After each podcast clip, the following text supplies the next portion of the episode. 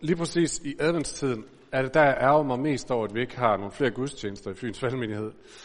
Fordi adventstiden er lidt en følgetong. Det er sådan en tid, hvor vi bygger forventningen op, og vi ligesom arbejder os hen imod noget, og så er det lidt ærgerligt med sådan nogle huller indimellem. Øh, forventningen op i første gang, første gang til, at Jesus kommer igen.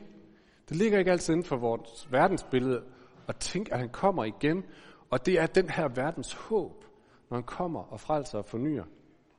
Og så i anden omgang, at han kommer, eller at han kom første gang, og det skal vi fejre lige om lidt i julen. Men det er ligesom adventstiden, sådan en forventning, der vender vores hjerter, der bygger et verdensbillede op, vi måske har glemt eller er lidt skævt på. Og, øh, og noget af det, vi gør her i adventstiden, det er, at vi læser mange profetiske tekster fra det gamle testamente primært, som fortæller noget om, hvad er det Gud vil gøre, når Jesus kommer, både første gang og anden gang. Hvad er det, vi kan forvente? Hvad er det, vi kan se for os og tænke hen imod? Og vi har allerede hørt Marie læse fra profeten Esajas, for, øh, som var cirka 700 år før Jesus.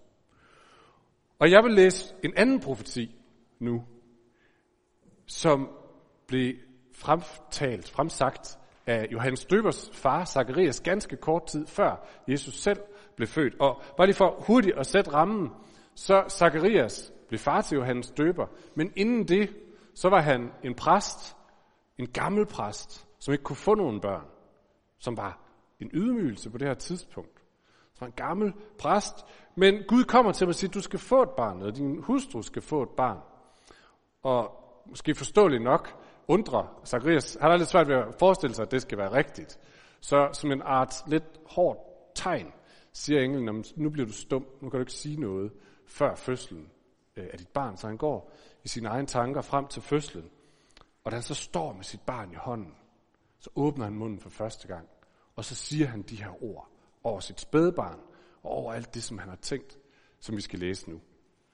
Så lad os slå op i Lukas evangeliet og læse. Hans far Zakarias blev fyldt af helligånden og profeteret. Lovet være Herren, Israels Gud, for han har besøgt og forløst sit folk. Han skal oprejse os frelsens horn i sin tjener Davids hus, sådan som han fra gammel tid har forkyndt ved sine hellige profeters mund. At frelse os fra vores fjender og fra alle dem, som hader os. At vise barmhjertighed mod vores fædre og huske på sin hellige pagt, den ed, han tilsvor vores fader Abraham. At fri os fra vores fjenders hånd og give os at tjene ham uden frygt i fromhed og retfærdighed for hans åsyn alle vores dage. Og du, mit barn, skal kaldes den højestes profet. For du skal gå foran Herren og bane hans vej og lære hans folk at kende frelsen i deres sønders forladelse. Takket være vor Guds inderlige barmhjertighed, hvor med solopgangen fra det høje vil besøge os, for at lyse for dem, der sidder i mørke og i dødens skygge, og lede vores fødder ind på fredens vej. Drengen voksede op og blev stærk i ånden, og han var i ørkenen til den dag, han skulle træde frem for Israel. De her ord, de indgår blandt andet i den katolske kirkes morgenbøn hver eneste morgen. De her ord fra Zakarias. Fordi de er så smukke, fordi de er så kraftfulde, fordi de udtaler nogle enormt store løfter, som den her gamle præst i sin stillhed og sin sådan overvældethed af Gud har gået og skal man sige, modtaget fra, fra Guds ånd og tænkt. Enormt store og smukke ord om den frelser, som Gud vil sende, og den rolle, som hans egen søn skal spille i det. Så vi sidder, og de katolske kirke sidder og, og tænker, wow, det er godt nok smukt, ikke? Men prøv lige for et øjeblik at sætte jer ind i situationen. Prøv at forestille jer, at I stod der ved Zakarias den dag. Se det for jer. Hvem taler? Jo, det er en gammel, måske krumrykket præst, indtil nu barnløs, ydmyget fyr. Og hvad taler han over? Hvad taler han om? Jamen, han taler om et lille spædbarn og om et foster, som ikke er født endnu. Vi kan lige klare bedsteforældre, som tager øh, billeder af børnebørnene med på arbejdspladsen og går rundt og viser til alle og siger, prøv nu lige at se her, er han ikke fantastisk? Og vi kan godt sige, jo, og det er han. Og vi ved også godt, at når de bliver sådan lidt højt svungne i deres lovprisning af de her børnebørn, så skal vi trække lidt fra, fordi så fantastisk er det her barn selvfølgelig ikke. Hvis de kommer dertil, at de begynder at sige om det her barnebarn, at det er den højeste profet, så tror jeg måske, vi vil begynde at sige, at ah, måske er det tid til plejehjem, min ven. Det, det kan ikke helt hænge sammen. Og det er det, der ramte mig, da jeg læste den her tekst og de andre tekster, vi har fået læst op. Forskellen mellem indholdet, størrelsen på indholdet, og så indpakningen, der fremførte. Et stærkt budskab. En frelser fra mørke og død i en skrøbelig indpakning. En gammel mand og en baby. Og jeg gætter på, at rigtig mange af dem, der stod omkring Zacharias, sådan affejede ham. Fordi de kunne simpelthen ikke få det til at stemme overens. Det er svært at koble den grad af styrke og håb med den grad af, af skrøbelighed. Og jeg stoppede ved, ved den tanke, fordi det rørte et eller andet ved mig. Jeg tror, jeg kom til at overveje, hvor stor er lige risikoen for, at jeg kan misse noget stort, som Gud er i gang med at gøre, fordi jeg ikke rigtig kan koble det med den indpakning, jeg ser. Den grad af skrøbelighed, som er forbundet med det.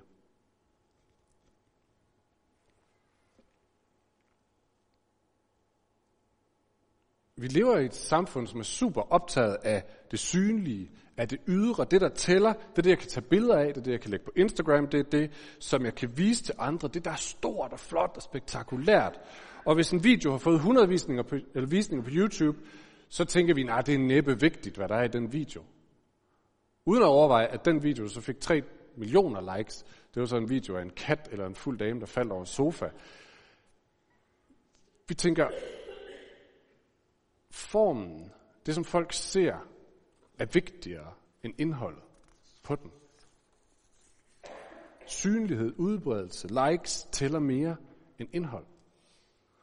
Og når det er sådan, vi er trænet til at tænke, så er spørgsmålet, er vi i gang med at risikere at miste noget, overse noget, som har med indhold at gøre, men ikke så meget med form at gøre. Noget, som er enormt stort, men ser enormt skrøbeligt ud. Måske noget af det, som Gud er i gang med at gøre omkring os, eller i os. Og hvis man bladrer lidt rundt i Bibelen og læser lidt rundt omkring, så finder man hurtigt ud af, at det virker som om det er sådan en art tema i Bibelen. Som om, at hver gang Gud gør noget enormt stort, så er mennesker altid i fare for at overse det, fordi det virker skrøbeligt, eller fordi det virker sårbart, eller småt, eller ikke lever op til verdens standarder for imponerende.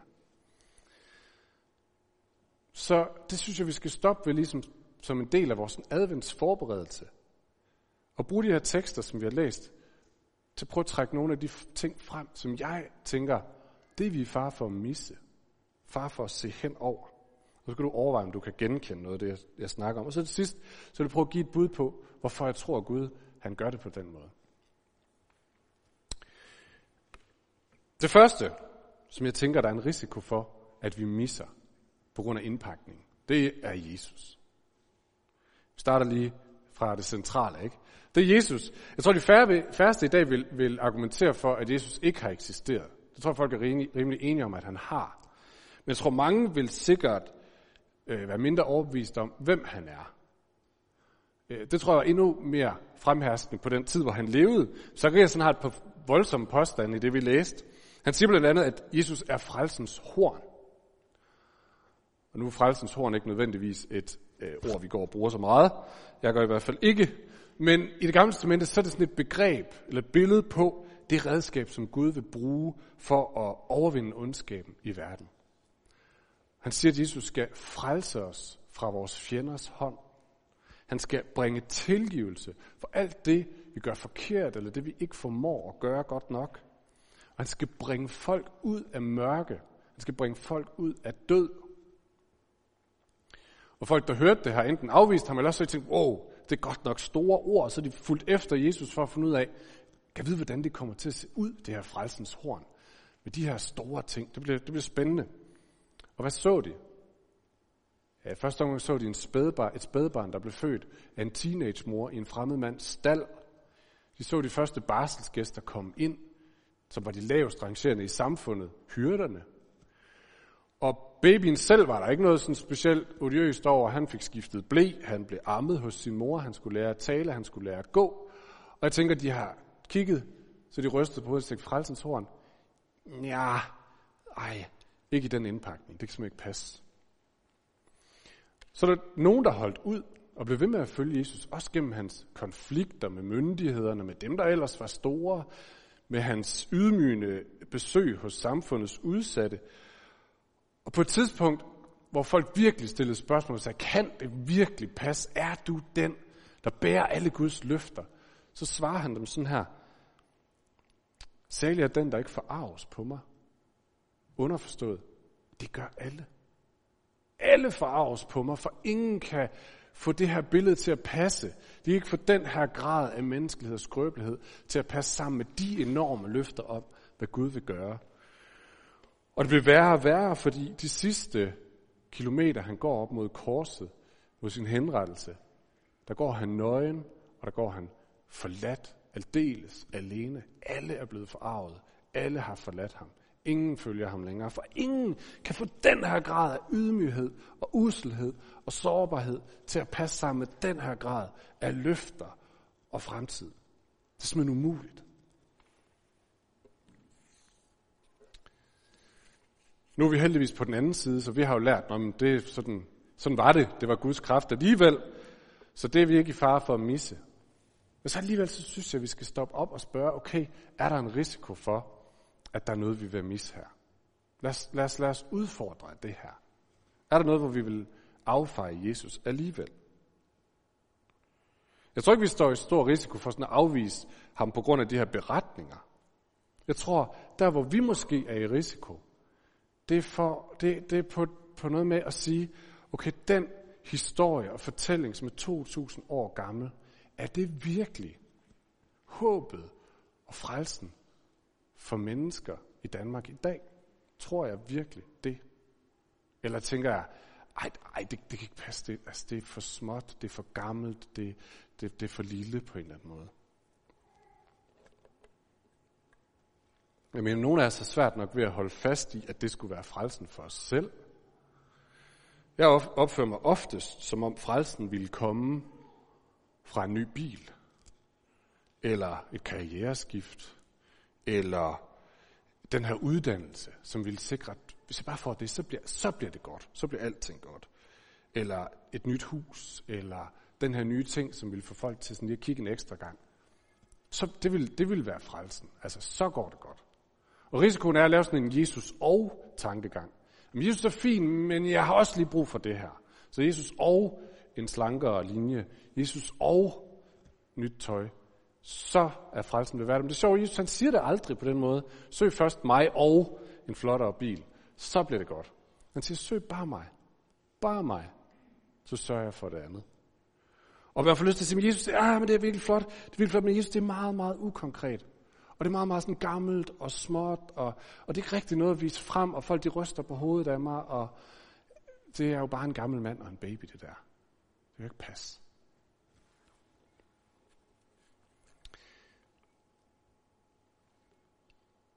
Det næste ting, som jeg oplever, vi kan være i fare for at overse på grund af indpakning, det er noget, det Gud gør i andre mennesker.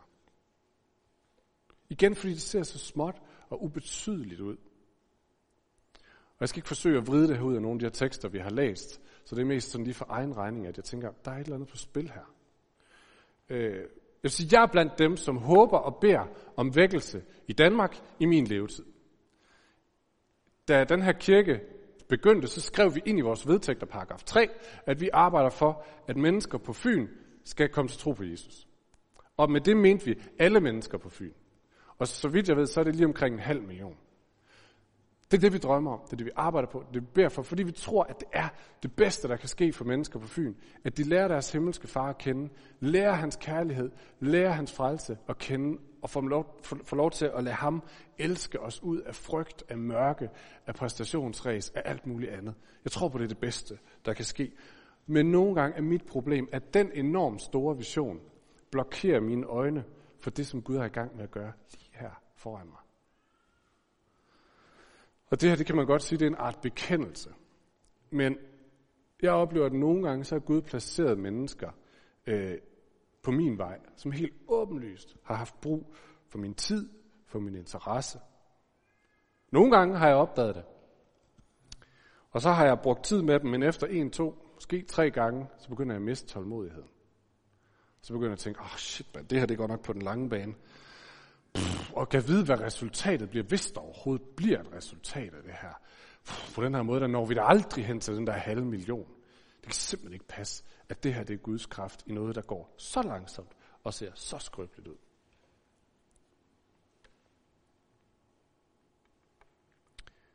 Vi har lige hørt Mette fortælle om julefest i Bolbro med 88 mennesker. 88 mennesker, som får lov til at opleve Guds kærlighed, kom ind et sted, hvor der måske meget sjældent er kærlighed fra andre mennesker. Nu begynder nogle af børnene fra det her fællesskab at komme til vores juniorklub. Og nogle af børnene begynder at komme med på børnelejre. Og det er helt tydeligt, at Gud har gang i at gøre noget her. Det er bare ingen tvivl om.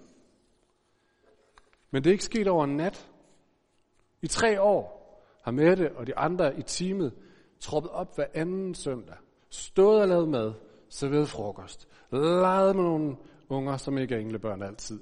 Siddet og prøvet at få samtaler i gang med folk, de knap nok forstår. Uge eller hver anden uge efter hver anden uge. Hvor ofte tror I, de har været fristet til at sige, det her, det er simpelthen for småt.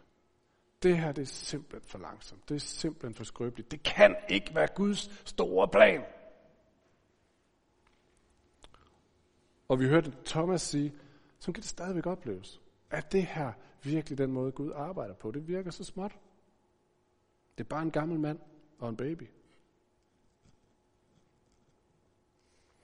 Det næste, som jeg tænker er nemt at overse eller afvise på grund af indpakningen, det er kirken. Og ikke fordi I er dårligt pakket ind. Det synes jeg bestemt ikke, jeg er.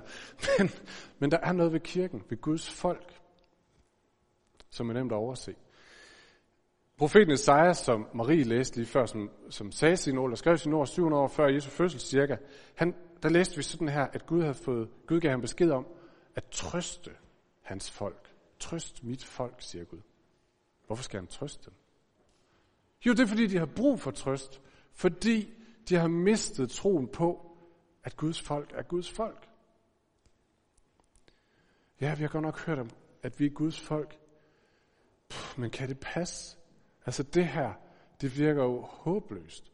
Det virker småt, det virker skrøbeligt. Vi er nogle padder, ingenting sker. Det bliver aldrig til mere. Trøst mit folk, siger Gud til Esajas. Så spørgsmålet er, har du nogen, du behøver ikke række hånden op, har du nogensinde gået ind i en kirke, måske den her kirke, været der en to-tre gange og så tænkt, det her, det er der da ikke noget særligt over. Ham der er præsten, han er i hvert fald ikke klogere end mig. Og ham der er på guitar, han er i hvert fald ikke mere tight, end jeg kunne være. Og alle de der mennesker, jeg snakkede med, de virkede godt nok til at være super travle og rode i deres liv. Ligesom jeg selv kunne jeg have tilføjet, men gør det måske ikke. Det virker da ikke særlig sejt, det her. Hvorfor i verden skulle jeg bruge tid med dem her til gudstjenester 14 dage, eller i en lille gruppe derhjemme hver anden uge? Det kan da ikke være Guds kraft. Hvad er Guds løfter om kirken? Bare lige for at bruge en illustration. Tænk på pinsedag. Nogle af jer kan huske det. Pinsedag, den lille gruppe er samlet. De er bange, fordi at der er fare for forfølgelse. Pludselig så kommer Guds ånd ind over det her fællesskab, og vi har ild, vi har kraft, vi har vind, vi har larm, og pludselig ryger de her folk op af deres frygt, ud på vejen, fortæller om Jesus og hvad han har gjort til alle de møder, og den dag kommer 3.000 mennesker til tro på ham. Og vi tænker, det er vildt det her, kan vide, hvad der sker nu. Nu lægger de Jerusalem ned. Hvad ville vi have gjort, hvis det skete en dag? Det er slet ikke til at forestille sig. Men hvad læser vi i næste kapitel af Apostlenes Gerninger? De flyver ud og forsamler sig i bitte små grupper, der deler tro og liv og spiser sammen og beder for hinanden. For det er Guds plan. Det er sådan Gud virker. Små fællesskaber, gudstjenester er helt almindelige mennesker med rod i livet, med gode dage, med dårlige dage, med flot og uskyndt i en blanding. Og lige der er Guds ånd. Lige der forvandles mennesker. Det er så nemt at overse.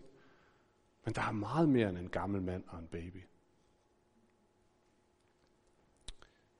Okay, den sidste ting, som jeg lige tænker, vi står i fare for at overse, på grund af indpakningen, er måske også den, der går tættest på. For det handler om os selv. Mia læste en tekst fra Paulus for et øjeblik siden. Øh, og Paulus begynder med indholdet, kan man sige. Han begynder med at fortælle om den fantastiske skat, han siger, vi har. Hvordan Gud har lavet et lys skinne frem i mørket. Og det lys er den overraskende nyhed, at den almægtige Gud, himmels skaber, har gjort sig synlig og tilgængelig for alle i Jesus. Han er tilgængelig for mennesker, vi kan lære ham at kende, vi kan få et forhold til ham, og han er vores frelser. Det er en enorm skat, siger Paulus. Men, siger han så, den skat har vi i lærkar. Og hvad er lærkar? Jo, lærkar, siger Paulus, det er mig. Og det er dig. Gud har valgt at placere al den skat her midt i det, som jeg er. Og gør det tilgængeligt for verden i mig. Og så går han videre og begynder at pakke ud, hvad vil det sige at være et lærkar? Hvordan ser det ud at være et lærkar? Og han siger, noget, han siger sådan her, det er at kende til oplevelsen af at være trængt. Måske en mere nudansk oversættelse vil være presset. Det er at kende til oplevelsen af at være presset. Presset af hverdagen. Presset af arbejdet. Presset af økonomien, af sygdom, af hvordan i alverden skal det lykkes os at opdrage vores børn i den kristne tro. Presset af livet. Og det er at kende til oplevelsen af tvivl. Tvivle på mit egne valg, tvivle på mine evner, tvivle på mig selv, tvivle på Gud, tvivle på, at han er der, tvivle på, at han er god, tvivle på noget som helst, eller det hele. Og Paulus siger, at det der med at være lærkar, det er også at kende til oplevelsen af at være forfulgt. Og Paulus var helt konkret forfulgt, men der ligger også i det oplevelsen af, at folk stiller spørgsmålstegn ved min tro. Ikke lige forstår mine prioriteringer. Og jeg bliver anderledes. Jeg bliver sådan en, man kigger lidt underligt på måske. Og han siger, det er at kende til oplevelsen af at være slået ud. Livet gik sådan set fint, men nu ligger jeg her, slået ud, og jeg ved faktisk ikke lige, om jeg kan komme op igen. Kan Gud være i det? Kan Gud være hos mig, hvis jeg, hvis jeg har det sådan der? Er det ikke lige præcis et udtryk for, at der er noget galt, enten med Gud eller med mig? Det kan ikke passe, at det er Guds kraft, det her. Der må være noget galt. Og ja, der er noget galt. For Gud siger, sådan var vi ikke skabt til. Han siger, en dag, så skal Jesus komme igen, og så skal han forny det, og så skal vi slippe for alt det. Så skal vi slippe for alle de oplevelser af, at livet er forkert og er hårdt. Men det er som om Paulus han siger, som det er lige nu, midt her i sygdommens og syndens verden, så er det sådan, det er. Guds kraft i skrøbelighed, i lærkar. Gud blev menneske. Den stærke blev sårbar. Den hurtige blev langsom. Skatten er i lærkar. Så det er hårdt, og vi har lov til at klage, og vi har lov til at fortælle Gud, hvor hårdt det er, og bede om, at tingene bliver anderledes. Men der er også noget ved det, hvor han siger, det er ikke fordi, der er noget galt med dig, eller fordi Gud ikke er kærlig. Der er bare noget, der er sådan her i den her verden. For at den overvældende kraft skal være Guds og ikke vores.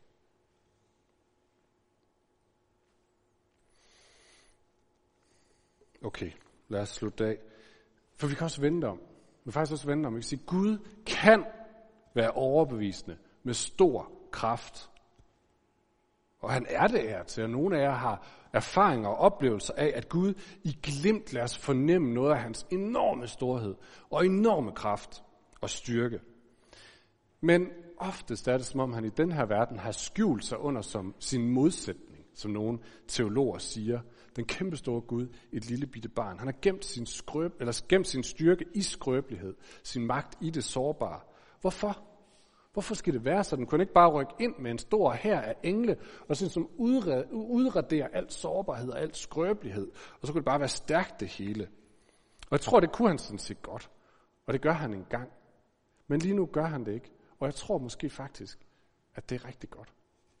Og jeg prøver at forklare, hvorfor.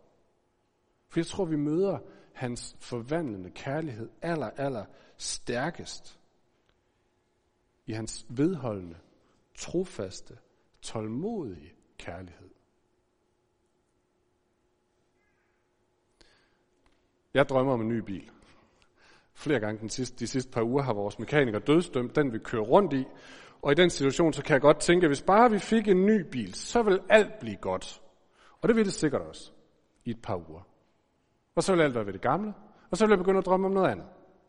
Og sådan er det med alle store ting. Sådan er det med job, nyt, øh, ny bil, hvis vi vinder i lotto, hvis vi bliver forelsket som unge, og så videre. Så tænker man, hvis bare vi kommer derhen, så er alt godt. Og så, og så er det godt.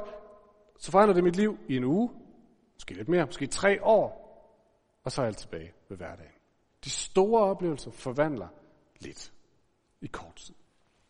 Men når det virkelig skal forvandle, sådan virkelig, så er det noget andet, der skal til. Nu har jeg været gift med Marie i 13 år. Og jeg tror godt, jeg kan afsløre, det er ikke fordi jeg holder sådan en bryllupstale, men jeg, jeg tror godt, jeg kan afsløre, at jeg elsker hende mere nu, end jeg gjorde for 13 år siden. Og det er ikke, fordi jeg sådan er mere forelsket i hende, men det er, fordi jeg har fundet ud af, at hun har set mere og mere af, hvem jeg er, og hvad jeg ikke er god til, og hvor jeg fejler, og hvor jeg er sårbar, og hvor jeg har brug for hende. Og hun er ikke gået sin vej. Hun er blevet der. Og hun siger endda, at hun elsker mig midt i det. Det er forvandlende. Og de gange, hvor jeg er blevet mest overvældet af Guds kærlighed, så er de tidspunkter, hvor jeg egentlig har tænkt, det går jo meget godt. Jeg behøver ikke så meget med det der med Gud. Jeg har gang i nogle ting, og det kører, og det, øh, det kører jeg fint selv, det her. Fuld fart, indtil livet pludselig rammer, og jeg kommer tilbage til Gud, skamfuld med bøjet hoved, og, og ligesom opdagede, åh, oh, det kunne jeg slet ikke selv. Og så kommer jeg tilbage til ham, og så opdager jeg, hov, han står der stadig. Han har stået der hele tiden. Også selvom der er gået lang tid, selvom der er gået 50 år. Han står der stadigvæk. Og han står der ikke med sådan en bebrejdelse i blikket, eller sådan en, Nå, fik du lært, det var. Han, der, der er kun kærlighed i hans øjne. Der er kun omsorg, der er kun glæde. Han kommer løbende imod mig. Og glæder sig over, at jeg var der igen, og at jeg kom igen. I det blik sker forvandling. Der hvor jeg oplever, hov, her kan jeg faktisk dumme mig. Jeg kan faktisk forløbe mig. Jeg kan faktisk tro enormt meget på mig selv, langt mere end jeg havde grund til, at jeg kan falde. Men jeg er stadigvæk i det der blik hos ham. Jeg er stadigvæk elsket. Det var ikke det store buller og brag, men han var der, lige midt i al min skrøbelighed. Fordi Gud blev menneske, fordi jeg er menneske. Gud går langsomt, fordi jeg er langsom. Gud er tålmodig, fordi jeg er rodet. Gud forbinder sig med det skrøbelige og det sårbare, fordi jeg er skrøbelig og sårbar. Men i sin skrøbelighed giver han sit liv. Med fuld styrke og fuld kraft opgiver han sit liv. For at selv mine øde vange skal blomstre, som vi synger i en julesalme.